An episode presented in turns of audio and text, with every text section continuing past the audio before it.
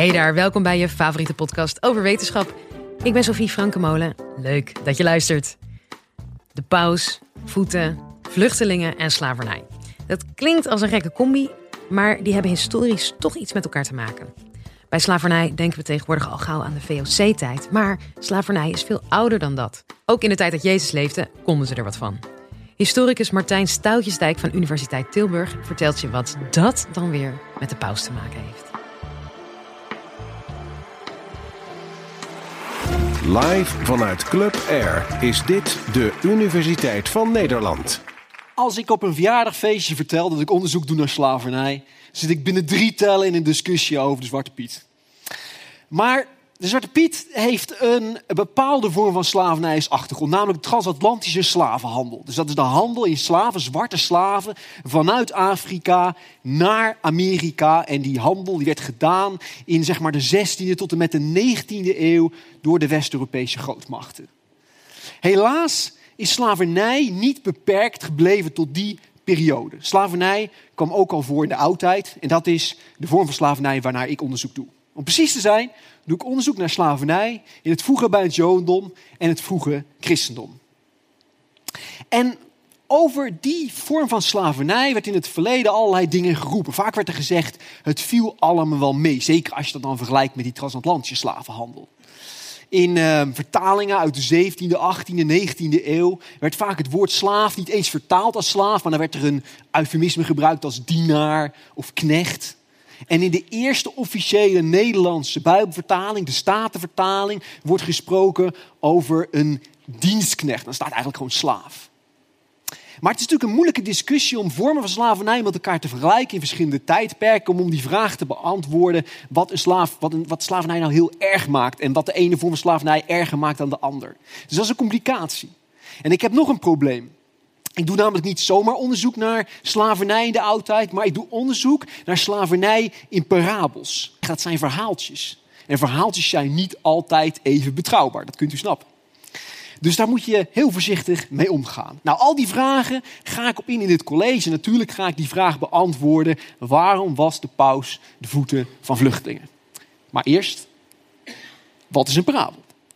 Een parabel is een kort fictief verhaal met een bepaalde boodschap of moraal.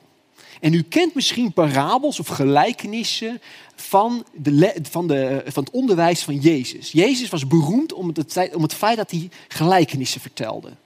Eh, beroemde voorbeelden van hem zijn uh, de barmhartige Samaritaan en de verloren zoon. En de rabbijnen uit zijn tijd, de Joodse leiders uit zijn tijd, vertelden vele honderden parabels en vele daarvan zijn ons ook overgeleverd. Nou, ik ga het verder niet allemaal te abstract maken. Ik ga u gewoon een parabel vertellen, want dat is eigenlijk het leukste. De volgende parabel gaat over een belangrijke discussie in de oudheid, namelijk de discussie over de vraag wat de verhouding is tussen lichaam en geest.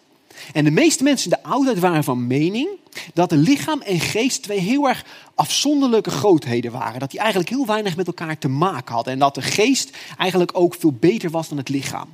Maar de beide dachten daar anders over en ze vertellen hoe ze erover denken door middel van een parabel. Dat gaat als volgt. Het lijkt op een koning die eens op reis ging. En de koning had een boomgaard en hij stelde daar twee bewakers over aan. Een lamme en een blinde. Toen de koning echter terugkwam van zijn reis, bleek de hele boomgaard leeg te zijn. Alle vruchten waren verdwenen. En de lammen ontkenden er iets mee te maken te hebben. Ja, ik kan toch niet lopen, ik kan er toch niet naartoe naar die vruchten. En de blinde zei, ik heb ook niks gedaan, want ik kan die vruchten niet eens zien. Maar de koning zag dat ze logen en hij zei, wacht eens eventjes. En hij plaatste de lammen op de schouders van de blinde en hij zei, zo hebben jullie het gedaan. De blinde heeft gelopen en de lam heeft gezien. Nou, dit parabeltje, dit verhaaltje maakt duidelijk dat er volgens de rabbijnen lichaam en geest heel nauw met elkaar samenwerken. Net zoals die lammen en die blinden heel nauw met elkaar samenwerken. En dat er dus helemaal niet zo'n scheiding is tussen lichaam en geest. Nou, het laat gelijk wel zien, denk ik, waarom parabels zo leuk zijn om mee te werken. Het zijn echt enorm fascinerende puzzels. En dat geeft elke dag weer energie om daarmee aan de gang te gaan. En parabels werden dus verteld in een tijd waarin slavernij alomtegenwoordig was. En dan is het ook niet gek dat men beelden uit dat, dat taalveld van de slavernij gebruikt om bepaalde ideeën te communiceren. Men gebruikte bijvoorbeeld de relatie tussen een slavenhouder en een slaaf als, als voorbeeld, als model om iets te zeggen over de relatie tussen God en de mens. En dat zou ons vandaag de dag misschien een tamelijk absurde vergelijking lijken. om zoiets gruwelijks als slavernij te gebruiken om iets duidelijk te maken over God. Maar let wel, ook wij gebruiken het taalveld van de slavernij nog steeds in onze taal. We hebben het bijvoorbeeld over een verslaving, misschien wel een gameverslaving of iets anders. We hebben het over ehm, dat je een loonslaaf bent. En ehm, misschien heb je wel eens eh, tegen je moeder of tegen je vrouw, het kan mij helemaal niet schelen, gezegd: Hé, ehm, hey, ik ben toch je slaafje niet? dus wij spelen ook met dat woordveld van de slavernij. En dat deed men dus ook in de oudheid al. Paulus, een beroemde volgeling van Jezus, die noemde zichzelf een slaaf van Christus. Nou, we weten niet precies wat hij daarmee bedoelde, maar we weten wel heel zeker dat hij zelf geen slaaf was. Dus het was, hij probeert daar iets mee uit te drukken van wat hij is en hoe hij een volgeling is. Nou, en men gebruikte dus ook slavernij in de parabels. En ik wil jullie twee slavernijparabels kort vertellen. En de eerste gaat over de Exodus. Ik weet niet of jullie dat weten, maar de Exodus is een beroemd verhaal in het Jodendom. En volgens de Exodus is het zo dat de Joden ooit gevangen waren in Egypte, daar als slaaf moesten werken, maar bevrijd zijn door God, door het werk van Mozes. En dus voortaan he, uh, God dankbaar daarvoor moeten zijn. En dat vieren ze elk jaar nog bij Pesach. Dat is een belangrijk Joods feest. En tijdens dat feest hebben ze ook een bijzondere maaltijd, de sedermaaltijd. En met die sedermaaltijd vieren ze dus de bevrijding uit slavernij. Nou, het interessante is nu dat de parabel die ik ga vertellen een iets andere kijk op de zaken heeft. Volgens deze parabel zijn de Joden niet zomaar bevrijd uit Egypte. Er is iets anders aan de hand. De parabel gaat als volgt. Het lijkt op een koning die een vriend had, wiens zoon gekidnapt was. En de koning besloot de jongen te uh, verlossen. Maar hij verloste hem niet als een vrij man, maar als een slaaf. Zodat de jongen voortaan naar de koning moest luisteren. Als de koning dan zei, neem mijn sandalen mee, dan moest de jongen dat doen. En als de jongen protesteerde, dan kon de koning het contract uit zijn binnenzak halen en zei, kijk, ik heb je gekocht, je bent nu mijn slaaf, je moet naar mij luisteren. Dat is een heel kort parabeltje eigenlijk maar. Maar de rabbijnen maken met deze parabel duidelijk dat hetzelfde eigenlijk geldt voor het volk. Het volk, het Joodse volk. Ja, God heeft hen bevrijd uit Egypte. Maar ze zijn daarmee niet vrij. Nee, ze moeten nu luisteren naar God. Ze zijn als het ware eigendom van God geworden. Ze zijn, je zou bijna kunnen zeggen, de slaaf van God geworden. Dus deze parabel speelt met de relatie God-mens en vergelijkt dat met de relatie tussen slavenhouder en een slaaf. En de slaaf moet gehoorzamen aan de slavenhouder. Eigenlijk zoals het heel normaal is, zou je kunnen zeggen, in die tijd. Maar je hebt ook parabels waarin er gespeeld wordt met die normale relatie tussen een slavenhouder en een slaaf. En een van mijn favoriete parabels uit Lucas, een van de parabels van Jezus dus, gaat daarover. En die parabel gaat als volgt. Het koninkrijk van de hemelen dat was het koninkrijk dat Jezus predikte, die nieuwe wereld die hij voorzag. Het koninkrijk van de hemelen lijkt op een heer, op een meester, een slavenhouder, die eens naar een huwelijk ging en zei tegen zijn slaven: Wees waakzaam, wees wakker als ik terugkom. En de meester kwam terug en de slaven waren netjes nog wakker. En hij zei toen tegen zijn slaven: Ga dan maar aan tafel aanliggen en dan zal ik mijn schort omdoen en jullie bedienen. Nou, dat lijkt misschien niet zo heel spannend, maar dat is het stiekem wel. Want het bedienen van mensen aan de tafel was een typische slaventaak. was echt alleen voor slaven. Daar kon je een slaaf ook aan herkennen. Terwijl het aanliggen aan een tafel, dat was iets heel eervols in de oudheid. En dat was eigenlijk alleen weggelegd voor vrije mensen. Dus wat hier gebeurt in deze parabel, is dat de slavenhouder, die de schort omdoet, zich gaat gedragen als een slaaf terwijl de slaven zich mogen gedragen als vrije mensen. Deze parabel, die dus gaat over dat koninkrijk van de hemel dat Jezus voorstaat, heeft dus een grote ja, omwenteling op het oog van de waarden en de relaties die wij in de wereld gewend zijn. En het is die omwenteling, die revolutie bijna, die je ook ziet in het ritueel van de voetenwassing. Nou, het ritueel van de voetenwassing is een ritueel dat in veel christelijke kerken voorkomt, dus onder andere in de katholieke kerk. En je ziet hier de allerhoogste baas van de katholieke kerk, de paus, het werk doen dat eigenlijk in de oudheid geassocieerd ook werd met dat van slaven. En de vluchtelingen, het uitschot waar niemand op zit te wachten, wordt hier bediend alsof het rijke, voorname mensen zijn. En hiermee laat de paus dus zien dat hij die boodschap heeft opgepikt, zullen we zeggen, die we ook in die parabel uh, kennen, die we in die parabel horen. Die boodschap dat er ook een andere wereld mogelijk is, waarin de eerste de laatste worden en de laatste de eerste. En waarin de rollen die we van deze wereld kennen omgedraaid zijn. Nou, dat over de boodschap.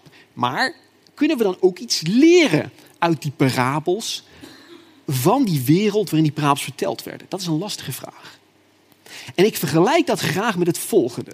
Stel je voor dat je over duizend jaar deze, dit Nederland zou moeten reconstrueren aan de hand van Nederlandse romantische comedies. Ik weet niet of je ze wel eens ziet. Ik wel, samen met mijn vrouw. Um, ik denk dat u een heel lastige taak heeft. Want het Nederland uit de Nederlandse romantische comedy, dat is een soort van groot Amsterdam. Waar het altijd mooi weer is en waarin iedereen de ganse dag met de liefde bezig is. En dat is niet onze wereld zoals die er normaal uitziet, right? Nou, dat is ongeveer dezelfde taak die je hebt als je met parabels bezig bent. Parabels zijn natuurlijk altijd aan het overdrijven, zijn bepaalde dingen aan het uitlichten, zijn niet altijd even betrouwbaar. En toch denk ik dat je met behulp van de parabels wel iets kunt zeggen over die wereld van 2000 jaar geleden, dat hele andere land. Nou, wat kun je dan zeggen? Laat ik twee kleine dingetjes uitlichten. Allereerst, we weten misschien dat in de transatlantische periode, de transatlantische slavernij, was er sprake van veel grootschalige slavernij met plantages. Dat is echter niet zoals het er in de oudheid toe aan ging. Althans, in de meeste gevallen niet. Het kwam wel voor, maar het was vrij zeldzaam. In de oudheid was slavernij vooral iets van dat je één, twee of drie slaven had. En dat komen we dus ook voor, dat komen we ook tegen in de parabels. Zo is er een parabel die Jezus vertelt over een slaaf die eerst op het veld moet werken en dan s'avonds thuis komt en moet gaan koken. Dus dat zijn slaven die niet gespecialiseerd zijn, maar dat zijn slaven die met de, de, baas zelf meewerken als het ware en dan s'avonds weer nog wat anders moeten doen. En dat laat zien dat slavernij in de auto, dat ging vaak dus maar om twee of drie slaven bij een meester. Dat is één ding. Het tweede ding, en misschien is dat nog wel een veel belangrijker verschil met de transatlantische slavernij, is dat slavernij de oudheid iedereen kon overkomen. Ik vertelde u net die parabel over die gekidnapte jongen, en die had gewoon pech. En zo kon het ook voorkomen dat als jij uh, bijvoorbeeld soldaat was en je werd krijgsgevangen gemaakt, dat je verkocht werd als slaaf. Dat kwam zelfs heel veel voor. Zoveel voor dat de filosoof Seneca zei: zorg goed voor je slaven, want het kan ook jou overkomen. Dus slavernij was iets voor een groot deel van pech hebben in de oudheid. En slavernij had over het algemeen gesproken heel weinig te maken met ras, kleur of volk. Iedereen kon in principe slaaf zijn. En dat kon je allemaal overkomen. En dat is natuurlijk ook een verschil met de transatlantische periode, waarin dat giftig racisme ook een uh, rol speelt, een belangrijke rol speelt. Maar slavernijparabels zijn dus niet altijd de meest betrouwbare bronnen voor onze informatie over slavernij in de oudheid. En dan kun je misschien de vraag stellen, nou waarom lees je die dingen dan in hemelsnaam nog? Hè? Wat, wat moet je ermee? Is toch fijn dat iemand er op een universiteit aan werkt, maar wat moet ik ermee?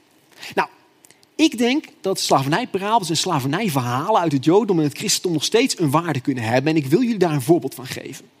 Ze kunnen bijvoorbeeld een waarde hebben als katalysator voor ons eigen Nederlands slavernijverleden.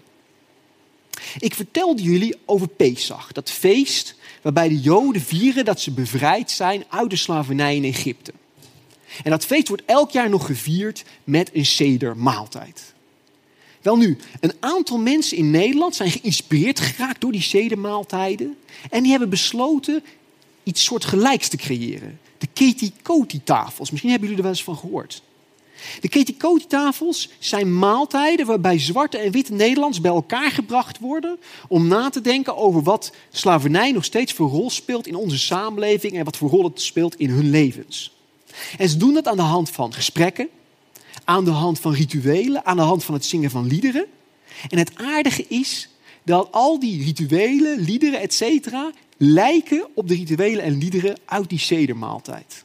En even voor alle duidelijkheid, voor mensen die dat niet weten, de ketikoti, dat betekent het verbreken van de ketenen. En dat is de viering van de afschaf van slavernij in Nederland. Dat is dat, dat, uh, dat over de ketikoti. Dus dit laat zien, dit voorbeeld van de ketikoti-tafels, dat een eeuwenoud Joods verhaal en een eeuwenoud Joods ritueel op deze manier nog steeds zeggingskracht kan hebben voor het Nederland van hier en nu. dat vind ik prachtig. We komen terug bij mijn hoofdvraag. Waarom was de paus de voeten van vluchtelingen? Nou, het antwoord mag denk ik wel duidelijk zijn. De paus doet dat in navolging van Jezus. In navolging van ook de rabbijnen trouwens uit die tijd. Die dus het idee hadden dat het goed is als leider om soms juist dienend te zijn. En dat het misschien goed zou zijn om na te denken over een wereld die er heel anders uitziet. En ik denk ook dat dat juist de kracht is van parabels. Door parabels, omdat ze zo creatief zijn en iets prikkelen in je hersenen als je ze leest, kun je nadenken over een wereld waarin verschillen tussen arm en rijk, tussen wit en zwart, tussen machtig en machteloos overbrugd zijn. En mocht jullie me dan nog eens tegenkomen op een verjaardagsfeestje, dan praat ik daar graag nog eens met jullie over door. Dank u wel. Je hoorde Martijn Stoutjesdijk. Ik hoop dat je het een interessante aflevering vond. En je weet het, elke week hebben we twee nieuwe afleveringen voor je. Volgende keer eentje over de macho-cultuur in het profvoetbal. Tot dan!